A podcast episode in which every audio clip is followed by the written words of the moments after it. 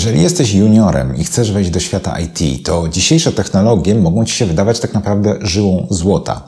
Bo jeżeli na przykład uczysz się, nie wiem, SQL-a czy Pythona, to korzystając z czata GBT możesz bardzo szybko dojść do wniosku, że w zasadzie nie musisz się tych technologii specjalnie uczyć, bo wystarczy napisać jeden dobry prompt i w zasadzie Twój problem zostaje rozwiązany. Dowolny problem zostaje rozwiązany. No i to powoduje pewnie dwie myśli w Tobie. Z jednej strony to się teraz wydaje zupełnie łatwe, żeby sobie to wszystko ogarnąć, a druga myśl jest taka, że czy w takim razie analiza danych w ogóle dalej ma sens? Czy w ogóle zawody IT mają sens? Zawody IT mają sens i do tego odniosę się w innym filmiku. Mimo czata GPT, mimo sztucznej inteligencji, paradoksalnie mają sens jeszcze bardziej niż kiedyś. Natomiast chcę wrócić do tego w tym filmiku, że jeżeli korzystasz namiętnie z czata GPT w trakcie nauki, to być może popełniasz pewien błąd i nawet nie taki błąd ogólny, tylko całe Twoje nastawienie jest błędem i paradoksalnie nie spowoduje szybkich sukcesów w pracy. Są trzy powody, dla których tak się dzieje, no i zadrusujmy je jeden po drugim. Pierwszy powód, dla którego e, zbyt intymna relacja z czatem GPT jest dużym problemem, jest taka, że o ile w domu możesz sobie korzystać z czata GPT do woli, o tyle w firmach już tak dobrze nie jest. Musisz pamiętać, że firmy mają, szczególnie duże korporacje, mają hopla na punkcie bezpieczeństwa. Nikt nie może sobie pozwolić na to, żeby dane y, wyciekły w jakikolwiek sposób na zewnątrz, z których y, korzystamy. Tak więc, jeżeli korzystamy ze sztucznej inteligencji w pracy, to najczęściej dzieje się to w ten sposób, że korzystamy z tego tak, by organizacja tego nie widziała. Najlepsze materiały o analizie danych znajdziesz na mojej stronie kajodata.com. Czyli e, na jakimś osobnym laptopie, jeżeli korzystamy e, z domu, albo robimy to w ten sposób, że bardzo anonimizujemy rzeczy, które e, tam wpisujemy, co powoduje, że jednak wciąż jest całkiem sporo pracy po naszej stronie, żeby jakieś techniczne zagadnienie rozwiązać. W związku z tym nie jest tak, jak się wielu ludziom spoza branży wydaje, że e, teraz sztuczna inteligencja opanowała wszystkie zawody IT i wszyscy z tego korzystają namiętnie i cała ich baza kodu jest na tym zbudowana. Tak nie jest. Oczywiście e, narzędzia AI nam pomagają i sam z nich korzystam, ale musisz pamiętać, że jesteśmy jeszcze w bardzo wczesnej fazie tych narzędzi i kwestie bezpieczeństwa jeszcze bardzo długo będą e, problemem, dlatego że oprócz bezpieczeństwa nie myślimy, dlatego że jeżeli mówimy o bezpieczeństwie, to nie myślimy tylko o wycieku danych bezpośrednim, ale także o pewnej stabilności rozwiązania. Z pewnością zauważyłeś, zauważyłeś, że jeżeli wpiszesz coś do czata GPT, to raz dostaniesz lepszą odpowiedź, a raz gorszą. No niestety firma nie może sobie na to pozwolić. To nie jest tak, że raz możemy napisać kod trochę lepszy, a raz trochę gorszy. W związku z tym wciąż potrzebujemy programistów, analityków, i tym bardziej teraz, kiedy istnieje taka pokusa, że w zasadzie dowolna osoba może o coś zapytać sztuczną inteligencję czy GPT i nagle się wyda nam, że no w zasadzie to rozwiązanie już mamy gotowe. Rzeczy, które udają doskonały produkt, są rzeczami o wiele bardziej niebezpiecznymi niż rzeczy, które, o których wiemy, że są ryzykowne, niebezpieczne i tak dalej Dlatego korzystamy z nich z ostrożnością. ChatGPT, mimo wszystkich swoich zalet, ma to ryzyko, że on podpowiada Ci, widziałeś na pewno dziesiątki czy setki takich filmików na YouTubie, które mówią Ci, o, dzięki sztucznej inteligencji zautomatyzujesz sobie wszystko i zarobisz dziesiątki tysięcy dolarów nie jest to takie proste właśnie ze względu na ten brak stabilności. A brak stabilności jest trochę wpisany w naturę AI, dlatego że tutaj nie mamy do czynienia z prostym ifem, tak? Czyli z prostą taką formułą jeśli coś tam, to coś tam. Nie, tak nie jest.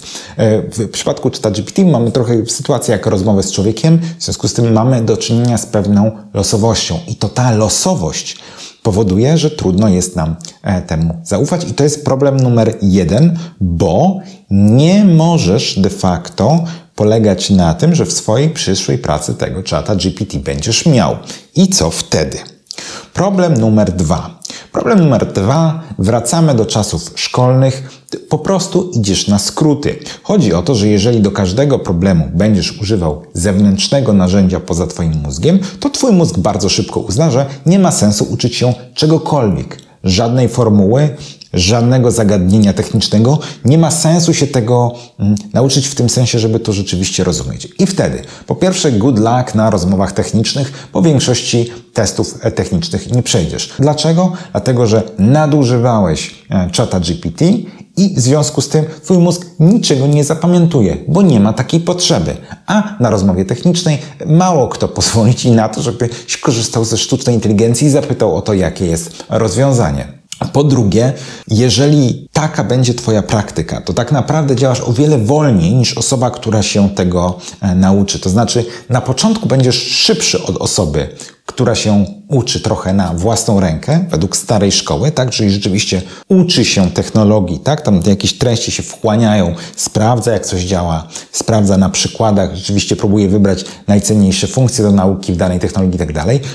I taka osoba na początku będzie pracować wolniej niż ty, z czatem GPT, ale w pewnym momencie zacznie pracować szybciej. Dlaczego? Dlatego, że zinternalizowała pewną wiedzę i teraz już nie musi o wszystko czata GPT pytać. Tymczasem ty się przyzwyczaiłeś do tego, że pytasz o wszystko. I to jest olbrzymi, olbrzymi problem i to jest takie przyzwyczajenie, które jest bardzo niebezpieczne, bo im więcej tego robisz, bardziej wydaje ci się, że to ma sens i tym dalej jesteś od takiej normalnej ścieżki nauki, bo nie możesz pracować jako analityk czy jako programista, polegając jedynie na współpracy z czatem GPT na zasadzie zapyta- zadawania pytań, a jak zrobić to, a jak zrobić tamto. Wreszcie punkt numer trzy. Moim zdaniem e, problem największy, czyli to, że nie myślisz na zasadzie rozwiązywania problemów. Nie próbujesz rozwiązać problemu. Twój mózg nie uczy się rozwiązywać problemów. Twój mózg uczy się kopiować, czyli zadam pytanie wyroczni, wyrocznia mi powie, zrobię tak, jak wyrocznia mówi i jeżeli nie zadziała, to zmieniam losowo jakieś rzeczy, żeby zadziałało. Tak? I znowu, zadziałało, super, idę krok dalej, coś nie działa, nie wiem czemu, no to próbuję zmieniać losowo rzeczy, aż zadziała, zadaję pytanie, działa, idę dalej.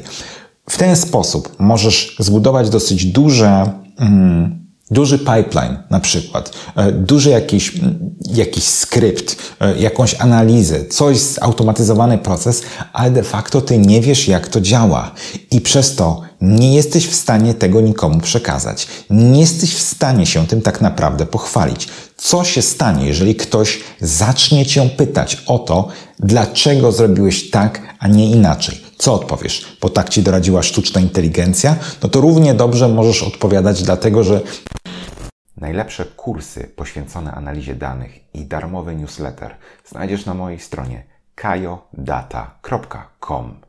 Bo wygooglowałeś, że tak trzeba. Potrzeba trochę więcej zrozumienia i trochę więcej mm, praktyki i takich sensownych wyborów, bo inaczej jesteś jedynie człowiekiem, który kopiuje i trochę podważa swoje własne stanowisko, dlatego że Dowolna osoba o niższych kwalifikacjach niż ty, o niższej pensji niż ty, może robić dokładnie to samo co ty, czyli zadawać pytania czatowi GPT wpisywać odpowiedzi losowo zmieniając jakieś tam parametry, aż zadziała, tak? Więc nie chcesz tego robić. Innymi słowy, chcesz się skupić na myśleniu o tym, że masz jakiś problem i ty najpierw sam, samemu próbujesz zrozumieć, na czym ten problem polega, które technologie działają, które nie działają, co trzeba zmienić, a dopiero przy jakichś szczegółach, jeżeli się zatniesz, to próbujesz sobie pomóc. Ale moim zdaniem ten stosunek pracy własnej do pracy ze sztuczną inteligencją powinien być gdzieś 70 do 30, to znaczy 70% to wciąż jest Twoja praca i to wciąż jest Twoja próba zrozumienia problemów. Jeżeli Ty widzisz jeszcze jakiś problem w pracy z czatem GPT i sztuczną inteligencją w ogóle, to bardzo chętnie porozmawiam z Tobą w komentarzach. Koniecznie daj mi znać. Możemy sobie zrobić tutaj coś w rodzaju ankiety związanej z sztuczną inteligencją. Tymczasem to tyle na dzisiaj i do zobaczenia w kolejnym odcinku. Na razie.